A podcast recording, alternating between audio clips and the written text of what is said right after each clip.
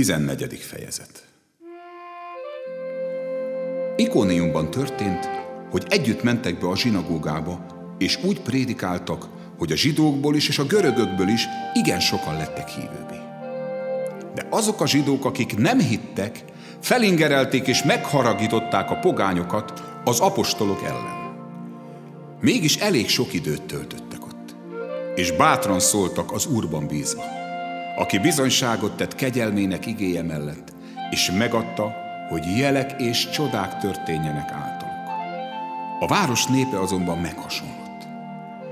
Némelyek a Jézusban nem hívő zsidókkal, mások pedig a messiás apostolaival tartottak. De a pogányok és a farizeusok vezetőikkel együtt összefogtak, hogy elfogják és megkövezzék. Ők azonban ezt meghallották, és elmenekültek Likaónia városaiba, Lisztrába, Derbébe és a környékére. És ott hirdették az evangéliumot.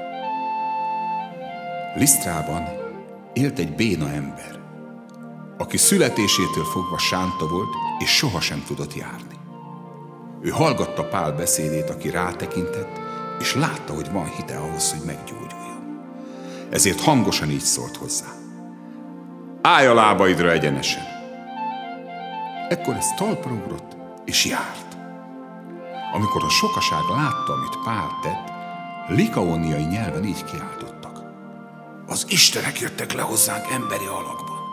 Barnabás Zeusnak mondták, Pál pedig Hermésznek, mivel ő volt a szóvivő.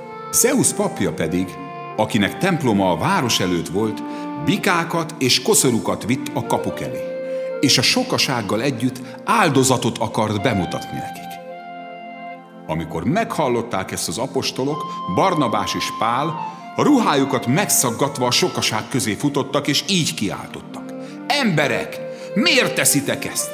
Mi is hozzátok hasonló emberek vagyunk, és azt az evangéliumot hirdetjük nektek, hogy pont ezekből a hiába való babonaságokból térjetek meg az élő Istenhez.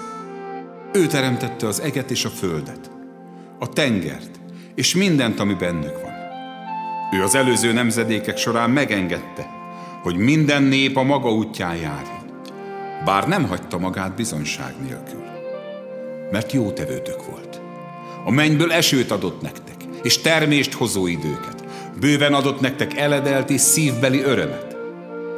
Így szóltak, és nagy nehezen lebeszélték a sokaságot arról, hogy áldozatot mutassanak be nekik. Antiókiából és Ikóniumból azonban Krisztussal szembeszegülő zsidók érkeztek oda, akik annyira felbújtották a tömeget, hogy megkövezték Pált, és kivonszolták a városon kívülre, mivel halottnak hitték.